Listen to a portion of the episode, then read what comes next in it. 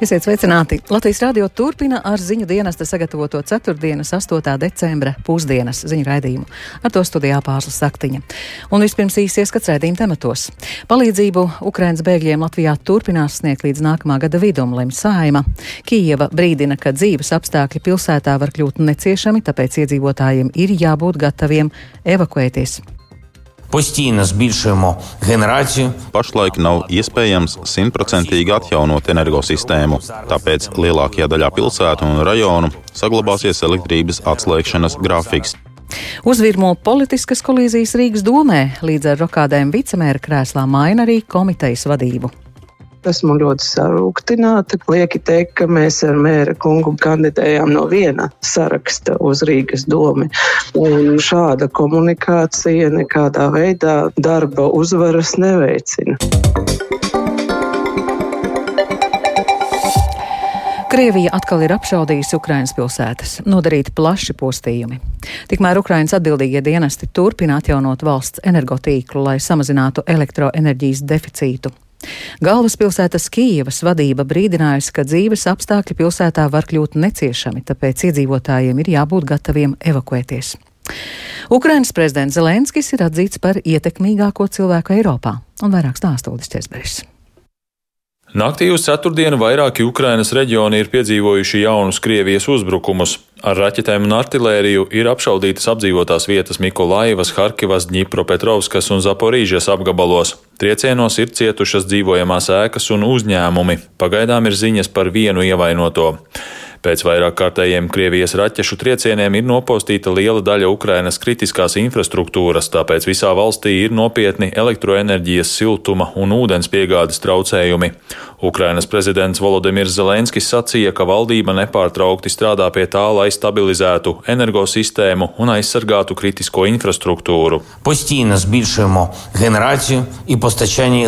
Mēs pastāvīgi palielinām elektroenerģijas ražošanu un piegādi. Gandrīz katru dienu palielinām apjomu. Taču mums nevajadzētu aizmirst, ka pašlaik nav iespējams simtprocentīgi atjaunot energosistēmu, kāda tā bija pirms Krievijas enerģētiskā terora sākuma. Mums vajag laiku. Tāpēc lielākajā daļā pilsētu un rajonu saglabāsies elektrības atslēgšanas grafiks. Es pateicos visiem mūsu enerģētikas darbiniekiem, remontētājiem, uzņēmumiem, komunāliem darbiniekiem un vietējām iestādēm, kas dara visu iespējamo, lai atvieglotu cilvēku dzīvi. Pašlaik visnopietnākās problēmas ar elektroenerģijas piegāžu nodrošināšanu ir galvaspilsētā Kīvā un Kīvas apgabalā, kā arī Ļvivas, Hmeļnickas, Poltavas, Vinnicas un Aizkarpatu apgabalā.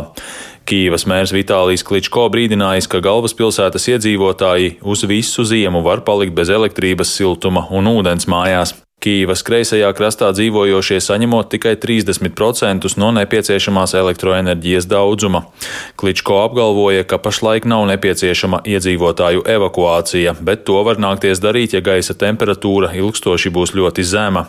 Tāpēc mērs aicināja iedzīvotājus būt gataviem galējas nepieciešamības gadījumā pamest Kīvu. Frontē Ukrainas aizstāvji cenšas atkarot Krievijas sagrābtās teritorijas. Kopš Krievijas pilna apmēra iebrukuma Ukrainā 24. 4. februārī Ukrainas armija ir atbrīvojusi 1888 apdzīvotās vietas, bet aptuveni tikpat daudz joprojām atrodas Krievijas karaspēku okupācijā, paziņojis valsts prezidents Zelenskis. Savukārt Ukrainas bruņoto spēku ģenerālštāps informējis, ka aizvadītajā diennaktī ir likvidēti vēl 340 iebrucēji, bet Krievijas armijas kopējie dzīvā spēka zaudējumi pārsniedzot jau 93 tūkstošus. ASV Senāta ārlietu komiteja pieņēmusi rezolūciju, kurā Krievijas darbības darbības pret Ukrainu nodēvētas par genocīdu pret Ukraiņu tautu. Demokrātu un republikāņu senatoru kopīgi sagatavotais dokuments aicina ASV, NATO un Eiropas sabiedrotos turpināt atbalstīt Ukrainas valdību, lai novērstu jaunas Krievijas zvērības pret Ukraiņiem. Rezolūcijas autori atbalsta starptautiska tribunāla izveidi, lai sauktu pie atbildības Krievijas politiskos un militāros vadītājus par Ukrainā pastrādātajiem kara noziegumiem, noziegumiem pret cilvēci un genocīdu. Izdevums Politico par šī gada ietekmīgāko cilvēku Eiropā nosaucis Ukrainas prezidentu Zelenski. Izdevums savu lēmumu pamato ar to, ka Eiropa pašlaik piedzīvo milzīgas pārmaiņas, kuras izraisīja Krievijas uzsāktais karš Ukrainā. Un šo pārmaiņu centrā esot Zelenskis, kuru cienot un apbrīnojot daudzi citi Eiropas valstu līderi. Politico norāda, ka Zelenskis ir pārliecinājis pārējo Eiropu, ka tās nākotne ir saistīta ar Ukrainu. Uldis Česberis, Latvijas radio. Un par notikumiem Latvijā Sājuma ir atbalstījusi palīdzības sniegšanas termiņa pagarināšanu Ukraiņas bēgļiem Latvijā. Šīs laiks pagarināts līdz nākamā gada jūnija beigām. Vairāk pastāstīs Jānis Kīncis, kurš pievienojas studijā. Jāni, kāpēc likuma grozījumi ir nepieciešami? Jā, sveika, pārslas veicināt radio klausītāji. Grozījums Ukrainas civiliedzīvotāju atbalsta likumā nepagūva pieņemt 13. saimas sasaukumā, un šobrīd tas bija jādara steidzamības kārtībā, jo pat labam par atbalsta pasākumu termiņu likumā noteikts šā gada 31. decembris. Tātad ar šiem grozījumiem noteikts, ka Ukrainas civiliedzīvotājiem, kuriem ir tiesības saņemt pagaidu aizsardzības statusu vai kuriem šāds status, status ir jau piešķirts, pilsonības un migrācijas lietu pārvalde turpmāk uz diviem gadiem izsniegs termiņu uzturēšanās atļauju, jeb trešās valsts pilsoņu personas apliecību.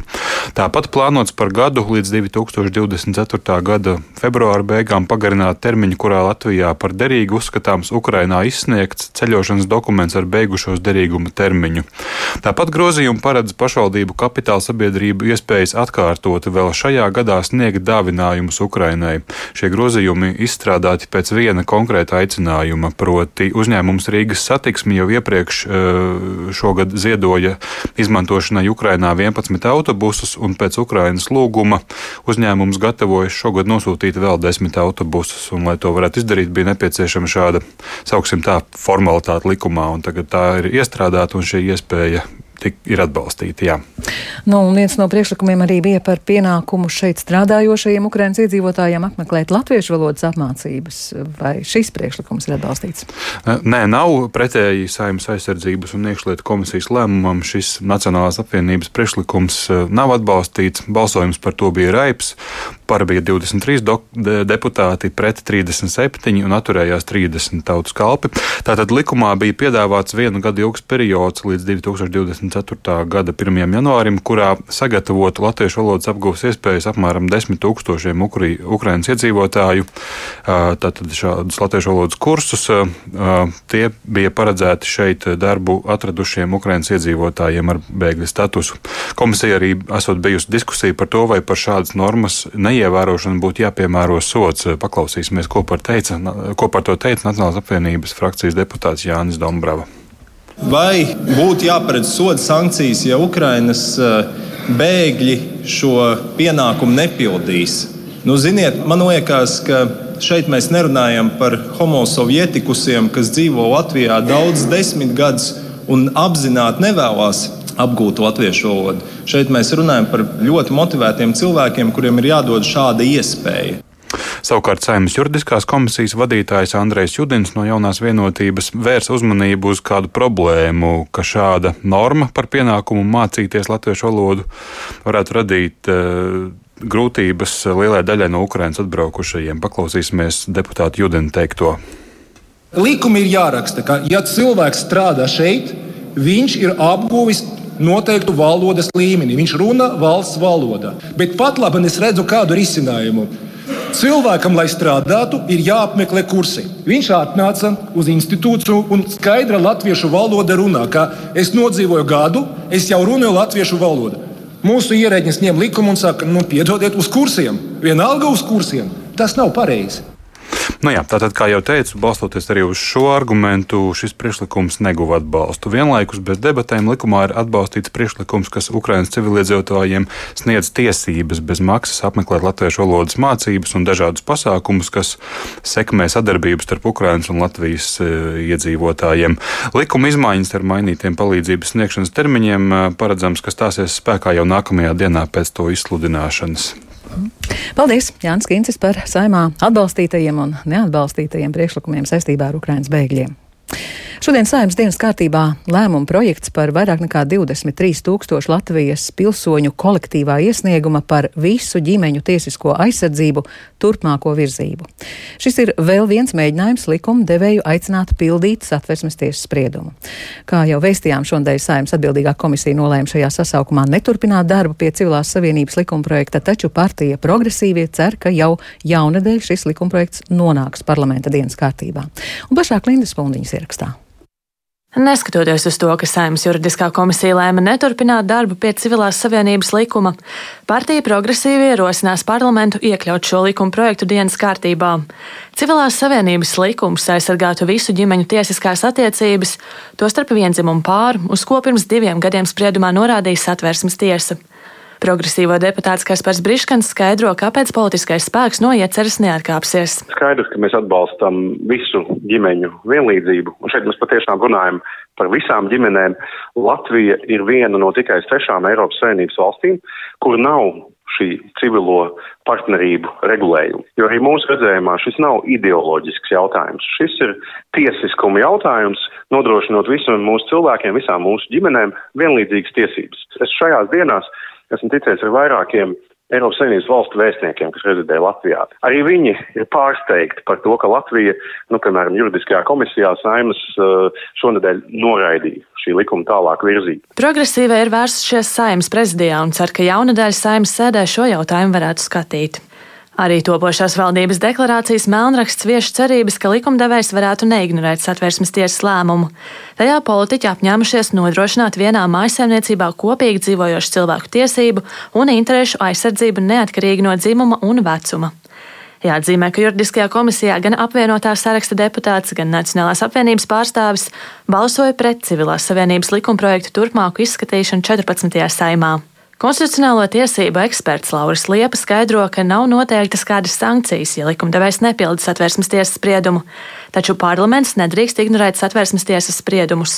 Tam var būt arī starptautiskas sekas. Tas apstākļus, ka ir dažādi politiski nostāji vai vēlētāji viedokļi, šajā gadījumā nekādā ziņā nav attaisnojami. Nav nekādu sankciju, kā varētu vērtēt šādu satvērsmes tiesas nolēmumu uzlikto uzdevumu neizpildi. Tas novada mūs pie nākamā risinājuma. Tātad ir Latvijai tā skaitā arī starptautiskas saistības, tā skaitā arī Eiropas cilvēktiesību konvencija, par kuras neizpildi arī Latvijas valstī ir jāatbild. Konstitucionālo tiesību eksperts neizslēdz, ka varētu būt arī kādas konkrētas prasības Eiropas cilvēktiesību tiesā pret Latvijas valsti. Liepa norāda, ka šeit ir acīm redzama neatbilstība, par ko Latvijai būs jāatbild. Linda Spundiņa, Latvijas radio.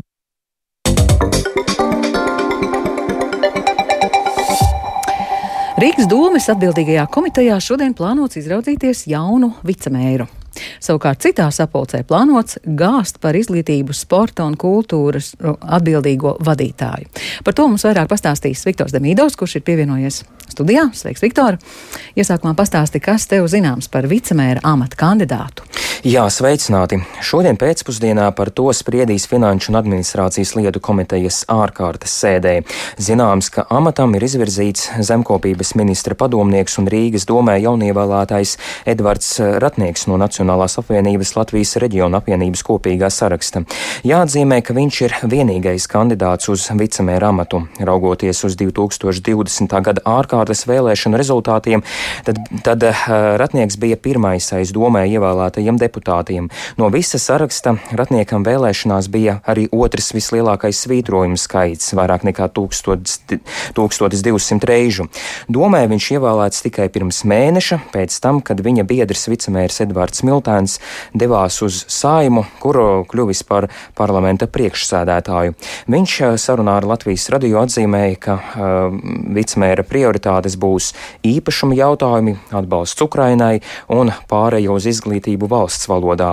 Gala lēmums par uh, ratnieku ievēlēšanu domas vicemēra amatā būs uh, jāskata vēl domas sēdē. Tātad. Un domē briest arī citas izmaiņas. No izglītības, kultūras un sporta komitejas vadītāja samata grasās atstādināt komitejas vadītāju Ivetu Ratinīku no Latvijas attīstībai.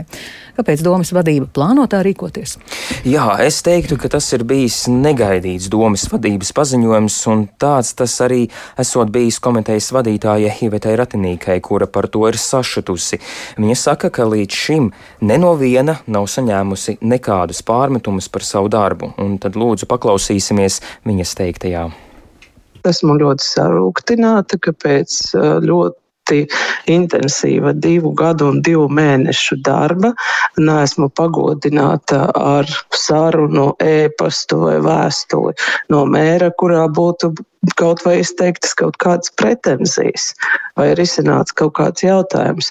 Lieki teikt, ka mēs ar mēra kungu kandidējām no viena saraksta uz Rīgas domi. Un šāda komunikācija nekādā veidā darba uzvaras neveicina. Jā, kā jau Ratinīka teica, tad uh, iesākumā viņa bija kopīgā frakcijā ar mēru Mārtiņu Staķi, taču vēlāk uh, Latvijas attīstībai atdalījās un izveidoja atsevišķu frakciju. Sarunas par politisko personālu iespējamām maiņām virmo jau kopš pēdējām saimnes vēlēšanām, kad izskanēja arī informācija, ka no Rīgas domas koalīcijas var, var izstāties Nacionāla apvienība, taču tas neapstiprinājās. Jā. Un, ja runājam par konkrēto gadu, gadījumu, tad eh, frakcijas pār progresīvie vadītājs Mārtiņš Kosovičs noliec, ka tā ir personāla bīdīšana, ja mēs runājam jā, par ratinīgas um, situāciju. Uh, viņš uh, deputātes darbā ir atradis vairākas nepilnības, un tad lūdzu paklausīsimies, kā viņš to komentē.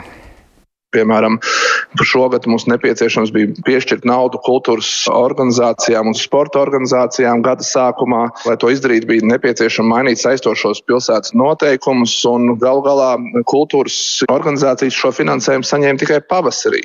Līdzīgi, piemēram, pusdienu pārējai uz to, ka vecāki var pieteikties pusdienām elektroniski. Tas process bija ļoti, ļoti neskaidrs. Tam bija jāsākās ar 1. septembri, sākās ar 1. oktobri un beigās tur līki šķīvi. Viss tā sistēma darbojās līdz beidzot tas tika novērsts. Un tagad pēdējais gadījums ir jaungada svinības. Nu, šodien ir 8. decembris, un līdz šodienai no izglītības kultūras jomas vadības nebija izskanējis piedāvājums, kas ir apstiprināts domē. Jaungads ir jāsvin. Ko tas nozīmē, ka mēs jaungadu svinēsim kaut kad februārī vai martā?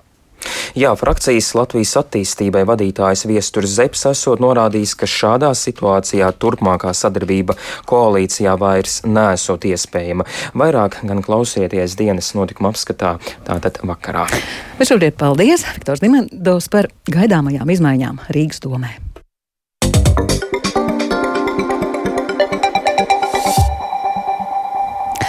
No nākamā gada Rīgas Austrumu Kliniskās Universitātes slimnīcas onkoloģijas centrā tomēr varēs turpināt nodrošināt palīdzību arī pacientiem, kuriem būs nepieciešama otorinolaringologa iesaistīšanās.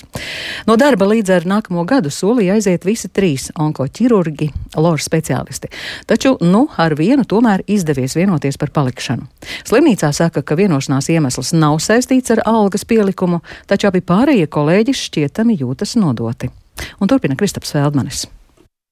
Novembra beigās par aiziešanu no Latvijas onkoloģijas centra paziņoja trīs vadošie lora ārsti. Kā iemesls izskanēja jaunu un modernu iekārtu trūkums, nepietiekams algas un arī vadības attieksme. Tas draudēja ar veselas onkoloģijas centra nodaļas slēgšanu. Šobrīd gan Rīgas Austrum Kliniskās Universitātes slimnīcas ārstniecības direktore Ilze Puča, kuri apliecina, nodaļa darbu varēs turpināt arī nākamajā gadā. Pie tam ar tādu pašu jaudu, jo viens no ārstiem tomēr piekritis palikt. Tāpat darbam nodaļā piesaistīs kādu agrāku agrāko dienu kolēģi. Uz doto brīdi ar 1. janvāri mums viens no ārstiem ir gatavs turpināt darbu. Un uh, arī paralēli tam mēs piesaistam arī vienu no bijušajiem kolēģiem, kas ir gatavi mums palīdzēt. Līdz ar to tātad ambulatorās konsultācijas tiks sniegt trīs dienas nedēļā, kā jau tas ir bijis uh, līdz šim. Pučkuri saka, vienu no aiziet solījušajiem doktoriem pierunāt izdevies sarunu ceļā un atalgojuma celšana nesot bijis iemesls. Vairāk tas saistīts ar solījumiem sniegt ārstam profesionālās attīstības iespējas.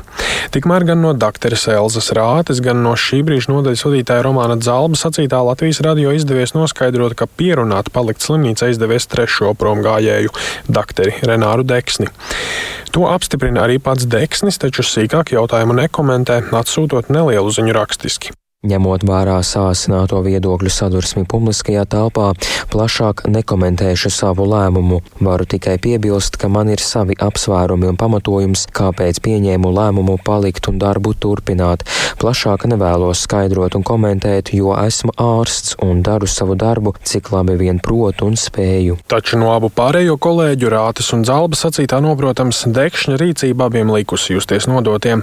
Latvijas radio vēlējās noskaidrot šī brīža nodaļas vadītāju vadītāja Romāna Zalba komentāru par to, vai pastāv iespēja, ka par palikšanu ar slimnīcu vienojas arī abi pārējie kolēģi, viņš un doktori Rāte, taču Zalps īsā un kodolīgā izziņā no komentārā teicās. Mēs ar doktori Rāti joprojām aizejam no rakus. Plašāk komentēt vairs nevēlos. Esmu izdedzis, izsmiets, nodots.